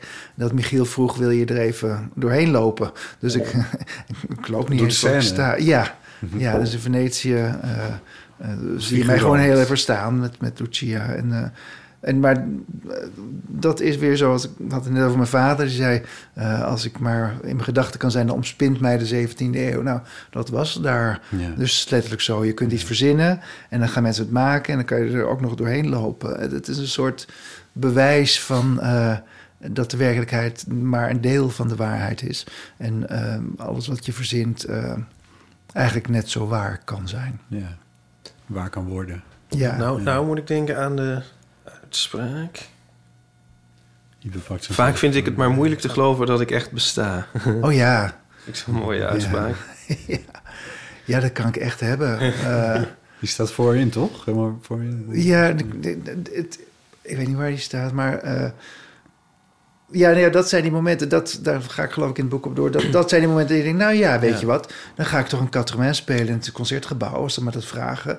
Als ik, als dit, als ik... Ja, ja moeilijk te geloven dat ik echt... Ja, dat het echt is, ehm, wat je doet. En, de, en ook omdat het zoveel leuke dingen zijn... en zoveel uitdagende dingen. En eh, ja, als dit mijn leven is, dan kan er wel meer geks bij. Eh, dus dan, eh, dan ga ik... eh, gewoon, dan ga ik een Shakespeare spelen of dan ga ik QI presenteren. Of ja, dan juist omdat je een beetje losgezongen bent van de werkelijkheid. En dat heeft ook, ook een groot deel geluk, maar ook een groot deel dat je dat zo je leven zo hebt ingericht, dat je dat zo hebt kunnen maken. Ehm, juist omdat je daar een beetje van losgezongen bent, eh, komen er ineens meer mogelijkheden. Want mensen vragen je iets geks en nou, je kan je het net zo goed wel doen. eh, Ik wou eigenlijk net zeggen, want ik heb wel eens... eh zei mijn moeder van... die had dan een interview gelezen of gehoord of zo... en dan zei ze van... ja, je doet net alsof het je allemaal nu is aankomen waaien. Maar terwijl je het- hebt heel hard gewerkt. Heel hard. Je- moet je iets meer, eh, mag je wel iets meer benadrukken. Zo eigenlijk vertel jij ook zo, alsof de hele tijd alles gewoon maar Ja. gebeurt Ja. bij jou. Dat is wel en niet waar. Nee. Dus heel veel dingen die ik zeg zijn Ja. tegelijk wel en niet waar. Ehm, eh, ik denk dat wij dat zo voelen, omdat je... ehm, tenminste, laat ik voor mezelf spreken. Eh, omdat ik, als er iets heel geks komt, niet lang hoef na te denken. Ja. Eh, en dat komt omdat ik heel vroeg heb gemerkt ehm, dat wat je ook probeert, mensen toch wel een oordeel hebben. Toch wel. Dus dat heeft geen zin om te denken, nou laat ik dat maar niet doen, want dan kan ik misschien zo.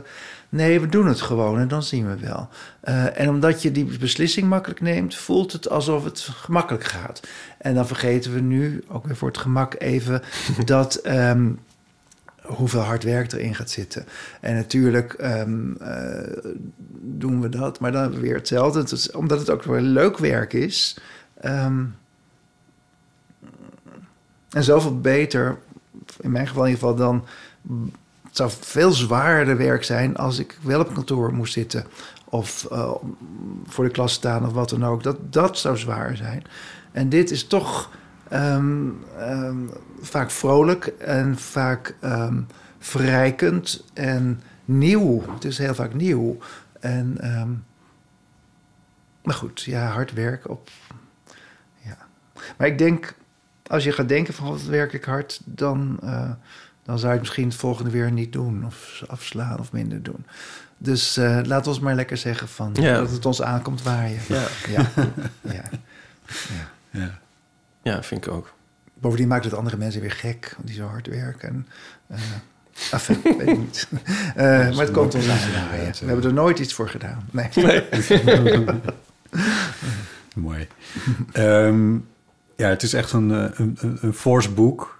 Ehm, maar je bent er natuurlijk nog lang niet. Nee. Nee, dus ik ga tegen mijn uitgever zeggen dat er een tweede deel moet komen. Nee, nee. Ja. Wordt gek. Nee, nee, nee, een ben, nee, ik ben, ben 25. nog lang niet. Ik weet, nou, dat weet ik niet. Maar een aantal jaar nog wel. En eh, ja, er moet een, eh, een aanvulling op komen. Ja. ja. Ja, maar ik zei het in het begin, maar ik, vind, ik, voel dat, ik, voel dat, ik vond dat echt een soort... Want ik heb dit echt nog nooit op deze manier gezien. Nee, het is eigenlijk iets er nieuws. is ook geen voorbeeld van een boek waarin dit zo gebeurt. Er zijn natuurlijk wel boeken over schrijvers en er zijn wel fotoboeken. Ja. Eh, maar dit, dit bestaat verder niet. Dus ik had ook van tevoren niet kunnen bedenken dat, dit, dat je zoiets kon maken. Ja. Ehm, dus ik ben ook wel eh, benieuwd hoe mensen dat zien. Je kunt het doorheen bladeren, maar je kunt ook eh, lezen. eh, Behalve dat Ben het te heftig vindt. Dus die is, die, die is na Oh, echt? 50 pagina's, zei hij gisteren... ik kan niet verder lezen, want ik raak zo geëmotioneerd. Ach. Dus, maar goed, ik zeg, hier kan je de foto's gewoon zien. Ja, precies. Ja, ik snap het ook niet precies. Want Ja. hij, hij kent mijn leven. Hij kent al die verhalen wel. Maar kennelijk om het te zien is dan, eh, is dan een beetje heftig. Maar Ja. goed, dan kijk je maar naar de, naar de plaksnorren en de fopneuzen. dan, eh, het maakt Ja. het weer luchtiger. Nou, maar misschien gaat dat ook over het deel, want dat is best wel een belangrijk deel in het boek en ook nog wel redelijk uitgebreid waarin je vertelt over hoe het nou precies met je vader is gegaan. En, en Ja, ja want ik heb er altijd wel heel veel over verteld. Ja. Minder over mijn Maar moeder. Mijn moeder krijgt nu ook een, haar deel hierin. Ja, ja. Ja, nou vooral kan dat denk ik nu omdat ik hem ook echt wel best wel goed begrijp. En hem ook niks kwalijk neem van alle ellende die, er, die vader, veroorzaakt ja. heeft. Ja, ja. Dat wel. Maar ehm, ik, ik, en dat vind ik altijd fijn, vind ik in het boek ook altijd fijn. Ook, ook de, de booswicht, waarvan ik niet wil zeggen dat mijn vader dat per se was. Maar eh, zo, zo ziet het er wel uit als het eh, ooit verfilmd wordt. Ehm, maar dat Nou, de booswicht heeft redenen om zijn dingen te doen. En, en, Ja. en doet het ook niet om slecht te zijn, Nee. maar ook omdat hij niet anders kan. En, eh, en een van de dingen die hierin staat is dat ik heb mijn moeder wel eens gevraagd wanneer begonnen zijn problemen. En ze zegt, nou ja, toen hij wist dat jij eraan kwam. Want toen moest hij zijn leven wat ik nu leef en wat hij voor ogen had, Ja, moest hij opgeven, want hij moest gaan, Ja. geld gaan verdienen. Ehm, hier vlak naast heeft hij ook nog gewerkt. Dat was een school, ik weet niet hoe het heette.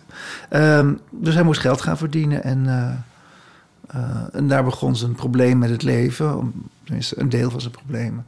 Eh enfin, dat soort dingen staat er ook in. Maar ja. ik kan me voorstellen dat het voor Ben, iemand die heel dichtbij jou staat, dat het wel dat Ja, voor lastig hem is om- heftig kan ja. zijn om precies dat dan zo gedetailleerd Ja, en ook leven van mijn oma, daar wist hij misschien niet zo heel veel van. Ja. Die ook enorm heeft gevochten en uiteindelijk haar kind moet begraven. En vader als die niet meer kan. Ja. Ehm, enfin, ja, dus... ehm, ja, het is gek als het over jezelf gaat, dan is het... Zeker als het eenmaal een verhaal geworden is, zoals in dit boek... eh, is het niet zo emotioneel. Maar ik snap best dat dat... eh, aan de andere kant, dat zei Ben ook terecht, ehm, weet ik ook heel goed waar het drama zit. Dus ik, ik kan het ook wel weer zo opschrijven dat ik het drama eruit haal. Eh, en en, en eh, ja, enfin, ik Ja. weet het niet. Ja, het is te gek. En eh, nou, zoals ik zei, het is echt jaloersmakend eh, overzicht over, over een leven. Het is echt, eh, Ja. echt heel, heel- Ja, want de echte kracht is ook, vind ik dat het dus niet een soort vergaarbak is waar alles maar is ingegooid, maar het echt een geheel is geworden. Dat, eh, Fijn, ja. Is ja zo dat, is wel een verhaal. Het is wel een... je kan er doorheen eh, meelopen met, Ja. met, met de dingen die ik gedaan heb. Maar nog eens, ik denk dat iedereen van zijn leven zoiets zou kunnen maken. Maar dan moet je wat ouder zijn en terugkijken. En dan ontdek je de lijnen daarin. En, eh, Ja, maar... en, ja, en veel foto's maken. Ja, precies. En, en, en, en sherrydopjes bewaren. En bewaren dan ook nog. Ja, Ja. ja, ja. Het is maar- grappig, want ik, er liggen hier, je kan het zien, maar er liggen hier een paar mappen hierachter. Die Ja. liggen er echt al vijf jaar onderhand. Waarin ik heb gepoogd om al die losse dingen door, door, door mijn hele huis verzameld liggen. En dan weer een kistje hier Ja. en dan weer een doosje daar. En dan weer een, een, een oud envelopje hier. Om dat nou eens te verzamelen en op datum te ordenen en zo. Ja. Niet dat, die, dat dat dit zou nee, worden. uiteindelijk wel. Als je 66 Nou ja, dan is het in ieder geval bij elkaar, weet je wel. Dat, dat, dat zou me al zo gerust Ik kom er dus niet aan toe, vandaar dat het hier nog steeds ligt. Maar ja, goed. Misschien Nee, maar ga er op, dus op, dat, zo, op dat is het wel. Niet dat ik het... Ik had het niet allemaal zo netjes geordend nog ook, hoor. Maar, Maar eh, helpt, het, helpt het jou nou ook om het dan in een vraagvorm te gieten of zo? Helpt het jou dan ook om, om de zaak in jou... Ik heb dat... Nou goed, hoe zou ik het zeggen? Ik heb dat zelf heel sterk. Als ik ergens mee zit, dan schrijf ik het op. En dan hoeft het niet per se dat, dat ik dat dan verstuur of, of publiceer of wat. Maar als ik het heb opgeschreven, dan hoef ik het in ieder geval niet per se meer te onthouden of ermee bezig Ja. te zijn. Dan is het geordend. Dan staat het ergens en dan ja. is dat af of klaar of zo. Is dat bij jou bij dit boek dan ook zo? Nou, wat, wat ik fijn vind, zeker van die heftige dingen waar we het net over hadden, ehm, die maar een klein deel ervan vormen, eh, is, is wel fijn als het in een verhaal. Het, het is een verhaal. Veel dingen zijn een verhaal geworden. Sowieso gebeurt dat als je ouder bent, want de, de echte feiten onthoud je niet altijd. Dus dingen worden een, een passen ergens in. En dat, dan zijn ze wat beter te behappen. Ehm, en dat geldt zeker ook voor dit boek. Al weet ik niet hoe het is als je je hele leven in één keer achter je kan laten. Ehm, eh, en wat er dan nog overblijft. Maar eh, nee, het, het is, het, is, het is heilzaam om, eh, om het in context te zien. Dat is misschien Ja. het, ding. Meer dan, meer dan de losse feiten. Dat je denkt, oh, dat was wel heel eh, vervelend misschien. Maar het heeft ook daar en daartoe geleid. Ja. Dus in die zin daar is het ook een heel hoopvol boek. Want, ja. Ja. want het is eh, uiteindelijk eh, Ja, wat je zei, die losse redelijk goed gekomen. Ja. De losse eindjes hebben toch een patroon gevormd. Ja, ja. En toch hebben we toch een tapijtje liggen waar we weer overheen kunnen, kunnen Dat stappen. we kunnen afsluiten. ja, zoiets. Ja, wat. Nou, mag ik je ontzettend bedanken voor, eh, Ja, jullie, voor het langskomen, voor het fijn vertellen. om met jullie te praten. Ja. En, eh, en ook voor het maken van, eh, van dit boek. Want volgens mij, ja, dit, dit zou wel eens een begin van een genre kunnen zijn als je het mij vraagt. ja. Dit Ja, ja, ik denk niet dat heel veel uitgevers ertoe te verleiden zijn. eh, Behalve Ja, dan, via een truc van mij. Van, we beginnen klein en we eindigen groot. Maar eh, wie weet, wie weet. Ja, en hoe zouden we het dan noemen? Kaleidosco schrijverskaleidoscopen. Ja. Of, of kunstenaars. Nee, ik kan het wat poëtischer. Ja. Iemand zei van de week, het is een museum. Maar dat klinkt zo stoffig en dat is het ook weer niet. Nee. Maar het is wel iets van iets waar je alles, alle losse, vaste dingen in tentoonstelt via een bepaald, eh, via bepaalde kamers Ja. en zalen. Word je geleid naar, eh, ja, naar de gift shop, hè? Een literair fotoboek. De gift shop. De gift shop. Ja. De gift shop. Ja, bij dat, ja daar, zou die, daar zou die moeten liggen in ieder geval. Een literair fotoboek. Ja, ja, dat is een, dat is Nou, Stof, het ja, genre, ja. Stof Museum. Ik was vorig weekend in Tylers Museum. Ehm, hier tegenover is het nieuwe museum. Ik, Oh. ik, het, het Tylers Museum is eh stoffig, Nee, dit zeg is het maar. grote museum wat Ja. er tegenover zit. Eh, sorry, het Ja. eh, grote museum. Ja, met dubbel O. Ja, nou, Ja. anyway. Ehm, Ja. Nou, het is stoffig tussen aanstekens, maar het, het is zo een soort verademing, dat stoffige. Ja, het is, dat is het- echt het museum uit mijn jeugd. Hè? Ja. Want ik kom uit Haarlem, dus dat was echt... Samen met Frans Hals, de, de musea waar wij heel veel kwamen. Eh, en ik vind het inderdaad heerlijk, zo'n zo'n zo'n wereld... met al die rare instrumenten waarvan ik toch niet weet wat ze allemaal doen. Eh, maar ze hebben ook best een mooie verzameling trouwens. Ja. Eh, En, en Maar het handgeschreven, maar Ja. handgeschreven eh, briefjes. Dat vind ik zo geweldig. Die kunnen, die kunnen inmiddels weer in een museum. zeg Ja, maar. ja, ja, Die zijn dan ook 100 jaar oud. Ja. En ja, ik vind... jij spreekt mij het veel meer... tegen- ja, Wat- zet Wat, het is hier aan de overkant? Nou, dat is zo ontzettend interactief en zo. En eigenlijk is er dan heel weinig te zien... maar moet je wel de hele tijd alles aantrekken of, of indrukken... of eh, Ja, rondspringen of zo. En, ehm, ja. En ja dat, dus spreekt, ik was dat laat ru- weinig ruimte, vind ik, voor je eigen een verbeelding. paar weken geleden in Gent ehm, om het Lam Gods nog een keer te kijken. Dat is ook helemaal vernieuwd. En dan krijg je 3D-bril op, wat ik eigenlijk hartstikke leuk vind. Dus dat is een wereld waar ik eigenlijk veel meer van zou willen weten. Maar ja, goed, dan wat voegt het toe? Eigenlijk helemaal niks, behalve dat er een, een, een vrij slecht acterende figuurtje met je meeloopt. Eigenlijk kijk ik gewoon liever naar dingen Ja. alleen, zonder, zonder al die dingen. Dus dat is, maar dat is lastig. Want waar dat interactieve is om... Het idee is natuurlijk om jonge mensen te interesseren Ja. en bla, bla, bla, bla. Ehm, maar ik was als kind ook eh, weg van het Tijdensmuseum... en die wereld en die stenen die gloeien. Ja. En, ik bedoel, het is niet per se nodig, misschien, al die nieuwe dingen. Nee. Ah, het echt oude mannen. Ja, ja, ik, ik, ik begon ermee. Ja, is ook niet erg. Ja. ja. Ja, nee, omdat we het boek natuurlijk vergeleken met het museum. Daar ja, ja, precies. precies. Ja, dus ja. eh, Ja. Maar ik vind Ja. dat wel een aanprijzing. Het, eh, het grote Arthur Chopin Museum. gaan we toch het museum. Ja, nou, ik weet het niet meer. goed. Nee, nee. Maar goed, mijn, mijn verzonnen familie is een perfecte titel. Ja. laten we het daar Zo zo is het. Ja, zeker. goed zo. Ja. Dankjewel. Dank Arthur. je wel, dank jullie. Dank je wel. Dank je.